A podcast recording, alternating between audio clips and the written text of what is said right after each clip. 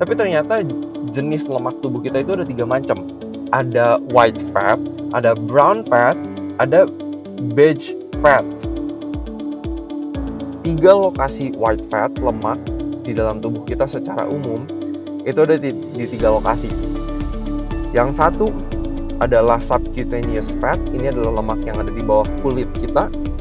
Lalu ada yang disebut dengan visceral fat, ini adalah lemak yang di antara rongga-rongga perut kita.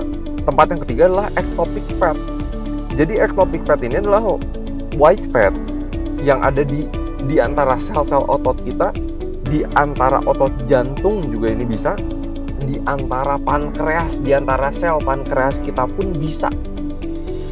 Semakin seseorang tidak memiliki sedentary lifestyle, banyak duduk, eh, semakin rendah tingkat visceral fat yang mereka miliki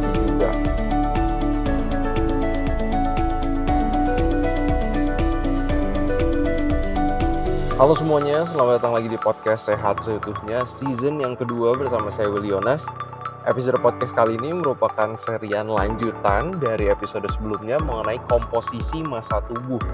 Jadi di episode sebelumnya kita mengeksplor bahwa kalau ngomongin soal berat badan adalah hal yang baik kalau misalnya kita tahu komposisinya itu kayak apa otot kitanya berapa banyak, lemak kitanya berapa banyak, berat tulang, berat air kita di dalam tubuh kita ini berapa banyak.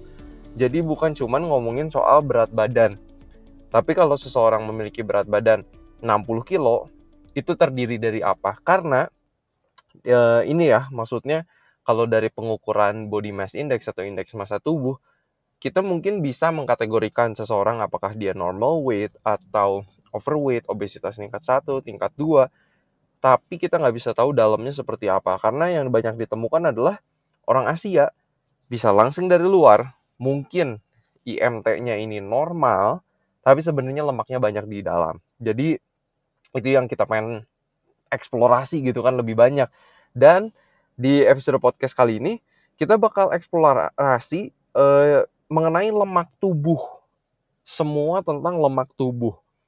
Jadi dari jenis lemaknya apa, letak atau di mana lemak itu di dalam tubuh kita itu akan berbeda.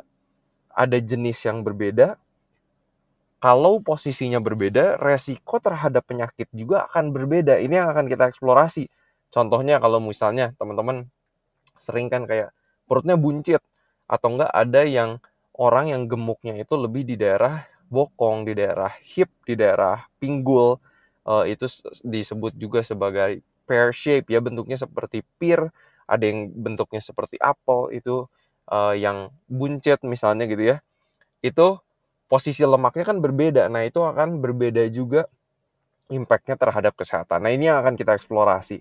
Oke kita akan mulai dulu dari jenis lemak tubuh. Nah mungkin kita kan selama ini nggak eh, mungkin teman-teman yang udah lagi denger podcast kali ini mungkin ada yang udah tahu. Tapi mungkin kita berpikir sebelumnya oke okay, lemak tubuh kan ya ya udah lemak gitu.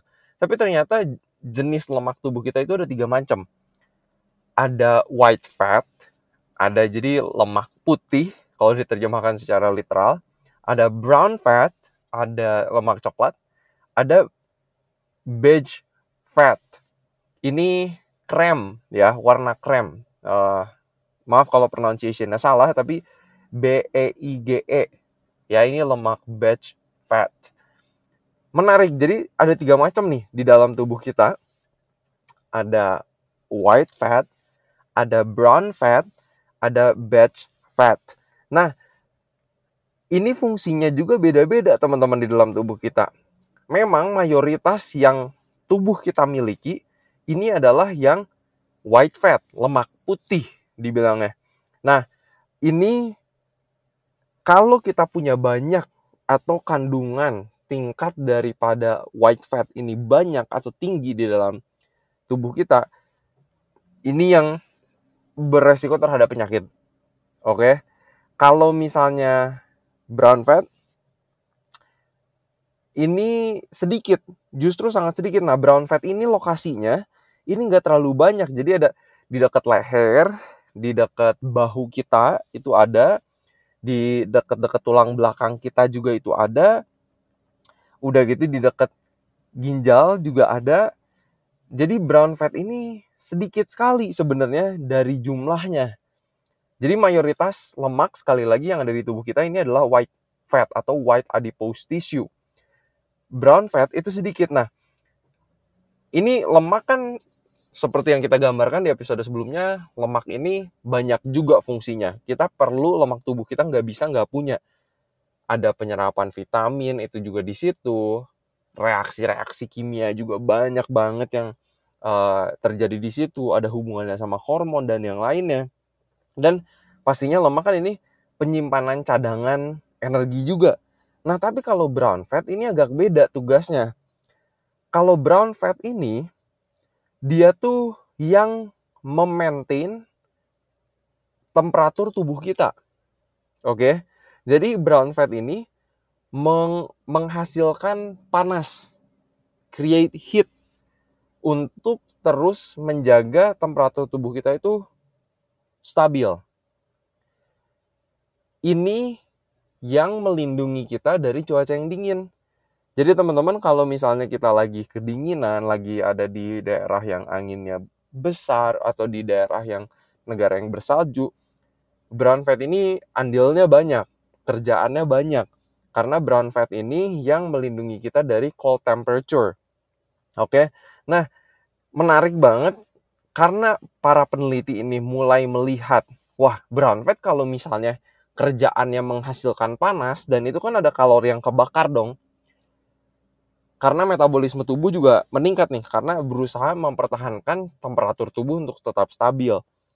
Banyak peneliti yang sekarang wah kayaknya ini gimana ya caranya untuk memperbanyak brown fat ini di dalam tubuh kita supaya pembakaran energi itu lebih banyak terjadi dan akhirnya bisa membantu seseorang juga memaintain berat badannya untuk menjadi normal atau stabil.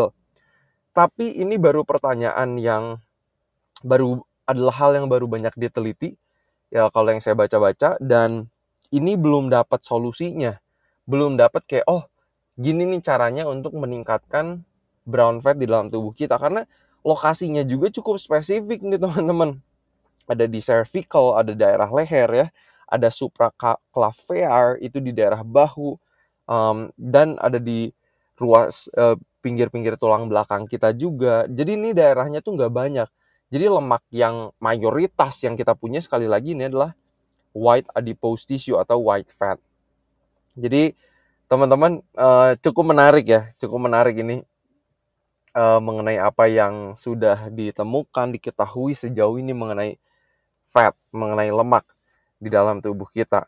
Nah, terus uh, ini ada fakta yang menarik aja. Uh, tahu teman-teman pernah merhatiin gak ya kalau misalnya orang tua yang udah makin tua itu lebih gampang kedinginan. Uh, kalau di ketika saya di Amerika ini banyak banget yang kayak gini. Jadi orang-orang yang tinggal di Amerika bagian utara di seperti Michigan di ya contohnya Michigan aja ya. Orang-orang di Michigan yang tinggal di Amerika Utara ini banyak yang kalau lagi musim dingin itu kabur ke Florida di Amerika Selatan supaya mereka bisa ke pantai, cuaca nggak terlalu dingin karena semakin orang tua ini yang ditemukan ini dari penelitian di tahun 2019 judulnya Brown and Beach uh, Adipose Tissue and Aging. Jadi memang semakin seseorang bertambah usia, brown fat ini juga berkurang. Makanya kenapa orang tua makin gak kuat dingin. Jadi cukup menarik ya teman-teman. Mungkin ini juga yang menyebabkan salah satu hal yang menyebabkan metabolisme orang tua juga menurun. Karena ya itu ya brown fat ini menggunakan energi untuk menghasilkan panas supaya temperatur tubuh kita ini bisa tetap stabil. Oke, itu mengenai brown fat. Udah gitu ini mengenai beige fat. Uh, jadi ini tuh dibilangnya lemak warna krem. Jadi beige fat ini tuh di fungsinya itu kayak di antara white fat dan juga brown fat. Jadi dia kayak fleksibel dia kayak fleksibel ya uh, cukup menarik ini uh, dia itu fungsinya bisa tergantung dari situasi kalau misalnya emang yang lagi dibutuhkan untuk menjaga temperatur tubuh tetap stabil dia bisa berfungsi seperti brown fat Tapi kalau misalnya lagi dibutuhkan untuk berfungsi sebagai white fat, dia pun bisa. Jadi ini uh, apa ya jenis lemak tubuh yang fleksibel. Emang jumlahnya nggak banyak, jumlahnya nggak banyak juga bad fat. Uh, paling banyak sekali lagi white adipose tissue atau white fat ini paling paling banyak, paling banyak. Uh, dan inilah tiga tipe lemak yang ada di dalam tubuh kita. Ada white, ada brown, ada bad fat dan mayoritasnya adalah white fat. Dan white fat ini yang mau kita eksplorasi sekarang oleh karena white fat ini posisinya ada di berbagai tempat di dalam tubuh kita. Contoh, jadi tiga lokasi white fat, lemak di dalam tubuh kita secara umum itu ada di, di tiga lokasi. Yang satu adalah subcutaneous fat, ini adalah lemak yang ada di bawah kulit kita. Lalu ada yang disebut dengan visceral fat. Ini adalah lemak yang di antara rongga-rongga perut kita.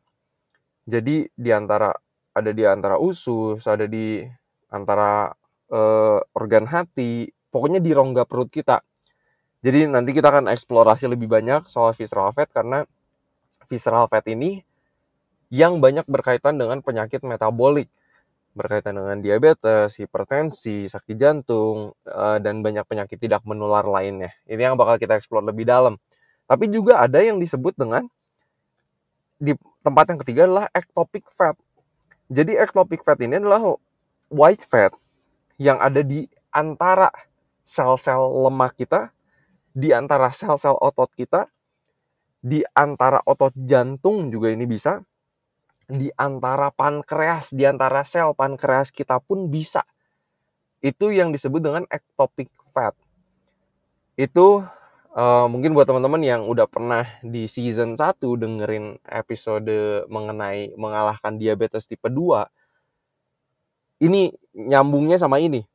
Karena ketika lemak berada di daerah di, di antara sel-sel hati, di antara di sel-sel otot, ini yang membuat insulin itu tidak dapat bekerja dengan maksimal. Ini yang disebut dengan resistensi insulin. Terjadi bertahun-tahun, akhirnya menjadi prediabetes dan diabetes tipe 2.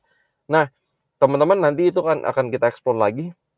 Karena sebenarnya lemak perlu ada di daerah situ. Tapi ketika itu jadi kebanyakan, itu yang jadi salah. Itu yang menjadi membuat tubuh kita ini insulin khususnya tidak dapat berfungsi dengan maksimal. Jadi terjadi resistensi insulin, gula darah di dalam darah makanya tinggi. Oke, sekarang kita mau eksplorasi dulu di visceral fat. Oke, sebelum-sebelum kita ke ke visceral fat, ini ada ada satu kosakata yang mungkin cukup menarik ya.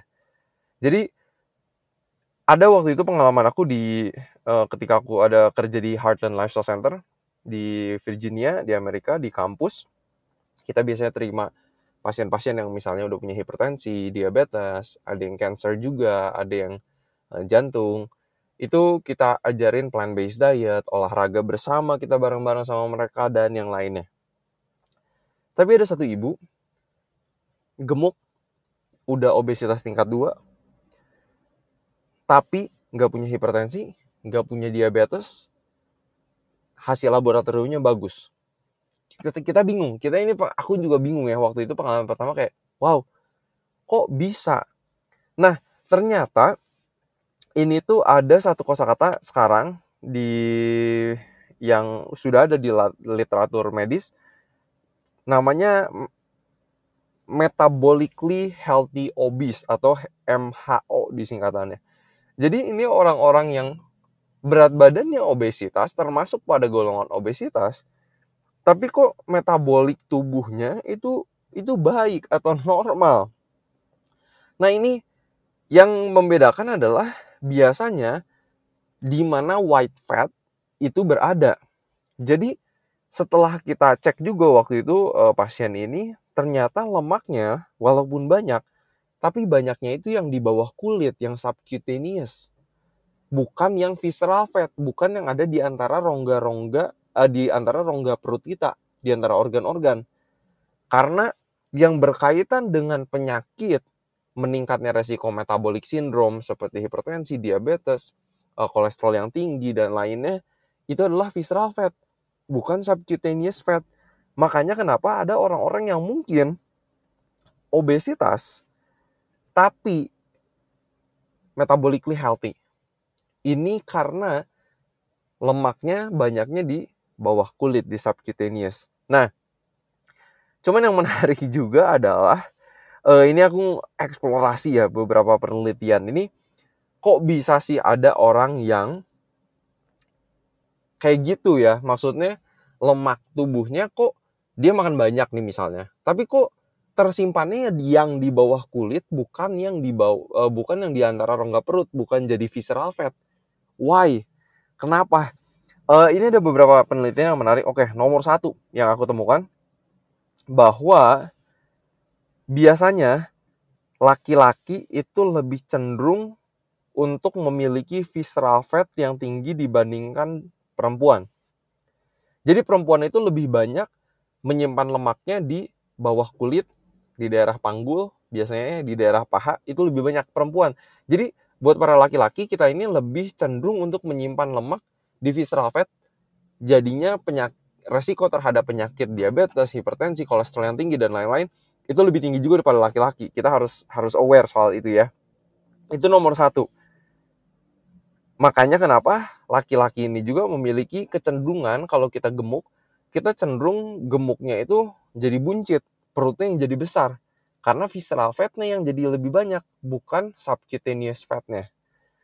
Yang menariknya lagi adalah, memang di mana lemak itu disimpan di dalam tubuh kita, itu ada kaitannya sangat erat dengan genetik. Secara genetik. Ada orang yang memang punya genetik cenderung menyimpan lemaknya di bawah kulit. Ada orang yang cenderung yang memang menyimpan lemaknya di visceral fat. Nah, yang menarik adalah ketika ini satu penelitian di 2021 nih baru keluar. Judulnya Genetics of Body Fat Distribution Comparative Analysis in Population with European, Asian, and African Centuries. Jadi penelitian ini membandingkan orang-orang Eropa, Afrika, dan Asia. Ada nggak sih yang berbeda dari penyimpanan lemak secara genetiknya kalau dilihat dari orang Eropa, Asia, dan Afrika? Nah, yang mereka temukan adalah orang Asia memang kita punya lebih banyak visceral fat. Orang Asia lebih memiliki kecenderungan dibandingkan oleh orang oleh orang Eropa dan orang Afrika untuk menyimpan lemaknya menjadi visceral fat. Kita mau bilang apa? Kalau kita emang orang Asia ya kan, ya ya udah itu genetik yang kita punya.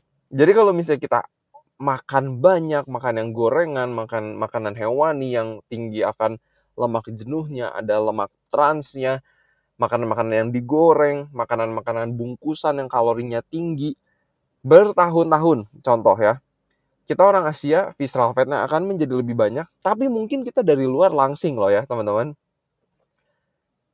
Makanya kenapa kita lebih cenderung orang Asia tingkat diabetes itu juga tinggi di Asia dengan indeks masa tubuh yang normal. Ini yang ditemukan juga dari uh, dibahas di penelitian ini gitu ya. Jadi sekali lagi orang Asia punya kecenderungan untuk menyimpan lemaknya men sebagai visceral fat dibandingkan orang Afrika dan orang Eropa. Makanya kenapa orang Asia lebih cenderung karena diabetes tipe 2 walaupun berat badannya di range yang normal. Ini yang kita perlu aware ya, teman-teman. Sekali lagi, langsing belum tentu sehat. Langsing belum tentu sehat. Oleh karena yang kita pengen cek adalah komposisi masa tubuhnya juga. Terdiri dari apa yang ada di dalam tubuh kita ini. Nah, teman-teman, sekarang kita bakal eksplorasi lebih banyak lagi mengenai visceral fat. Visceral fat. Aku tadi udah mention juga bahwa visceral fat ini teman-teman mau udah bisa nge-google banyak banget visceral fat ini hubungan dengan metabolic syndrome, dengan hipertensi, dengan diabetes ini hubungannya cukup erat. Hubungannya cukup erat. Jadi apa sih yang kira-kira gaya hidup yang bisa meningkatkan dari visceral fat. Jadi ada beberapa penelitian yang aku udah baca. Uh, nomor satu ini penelitian dari tahun 2020 keluar. Uh, memang semakin kita tua, kita uh, punya kecenderungan untuk uh, menyimpan lemak di visceral fat juga dari penelitian ini. Kalau kita udah lebih tua dari umur 45 tahun, udah gitu kalau kita makan daging ini cukup menarik teman-teman. Jadi korelasi yang mereka lihat atau hubungan yang mereka lihat juga adalah orang-orang yang punya visceral fat yang lebih tinggi daripada yang disarankan cenderung juga mengkonsumsi daging makanan hewani. Kenapa? Karena kalau teman-teman Google aja ya gampang banget. Uh, di daging itu apalagi terutama daging merah nih itu udah ada lemak jenuhnya saturated fat lemak transnya juga ada dan itu nggak bagus banget. Dan ini yang penelitian ini di tahun 2020 udah lihat. Satu lagi yang mereka lihat adalah cereal. Ini ini menarik uh, mungkin ya mungkin. Sereal ini yang kalau kita udah beli di supermarket dan lain-lain ini juga udah menjadi proses food. Udah ditambahin edit sugarnya ada minyaknya dan lain-lain. Ini juga uh, kurang bagus ya. Makanya kenapa aku sendiri suka pakai kata whole food plant based diet. Makanlah makanan alami yang makanan nabati yang sealami mungkin dan seutuh mungkin. Jadi yang lebih sedikit prosesnya uh, ini cukup menarik teman-teman dari dari penelitian ini. Jadi kalau kita semakin tua lebih di atas umur 45 kita udah punya kecenderungan untuk menyimpan visceral fat yang lebih banyak. Kalau kita makan makanan daging makan daging ini juga berkaitan. Udah gitu sereal. Ini juga uh, kalau di penelitian ini ya uh, kayaknya dari edit sugarnya dari minyaknya lemaknya dan lain-lain yang ditambahkan. Nah ini uh, satu penelitian lainnya apa sih kira-kira yang mempengaruhi uh, jumlah visceral fat kita. Ini penelitiannya juga baru keluar baru-baru ini. Judulnya Lifestyle Factors and Visceral Adipose Tissue Result from the Predimed Plus Study. Jadi Predimed Study ini adalah satu penelitian mengenai orang orang-orang yang mengkonsumsi pola makan Mediterranean diet dan mereka teliti, mereka ikutin bertahun-tahun ini salah satu penelitian yang paling besar juga mengenai uh, Mediterranean diet. Yang mereka temukan adalah orang-orang memiliki visceral fat yang lebih tinggi ketika mereka kurang olahraga, kurang menggunakan otot mereka. Basically. Jadi teman-teman, uh, dari penelitian ini mereka populasi yang mereka telitinya juga banyak di Predimed study ini ini physical activity, exercise, olahraga ini sangat berkaitan dengan tingkat visceral fat kita. Kalau misalnya dari penelitian ini ya, ketika seseorang itu semakin aktif, semakin sering berolahraga, hidupnya aktif, masih berkebun dan lain-lain, masih banyak gerak badan, ini tingkat visceral fat di mereka itu lebih rendah kalau mereka aktif olahraga. Jadi teman-teman, olahraga ini penting banget juga untuk menjaga visceral fat kita supaya nggak tinggi. Olahraga, hidup aktif. Karena kita ini hidup di sedentary lifestyle dan ini makin nggak bagus teman-teman. Kalau kita nggak olahraga, ya ya udah ya eh, kita makin kurang sehat dan yang lainnya juga. Nah ini menarik juga yang mereka temukan kalau pokoknya semakin seseorang itu jarang tidak semakin seseorang tidak memiliki sedentary lifestyle banyak duduk uh, semakin rendah tingkat visceral fat yang mereka miliki juga. Nah, ini ada aku mau mention satu penelitian lagi mengenai visceral fat. Jadi apa sih yang bisa meningkatkan visceral fat? Ternyata konsumsi dari saturated fat atau lemak jenuh.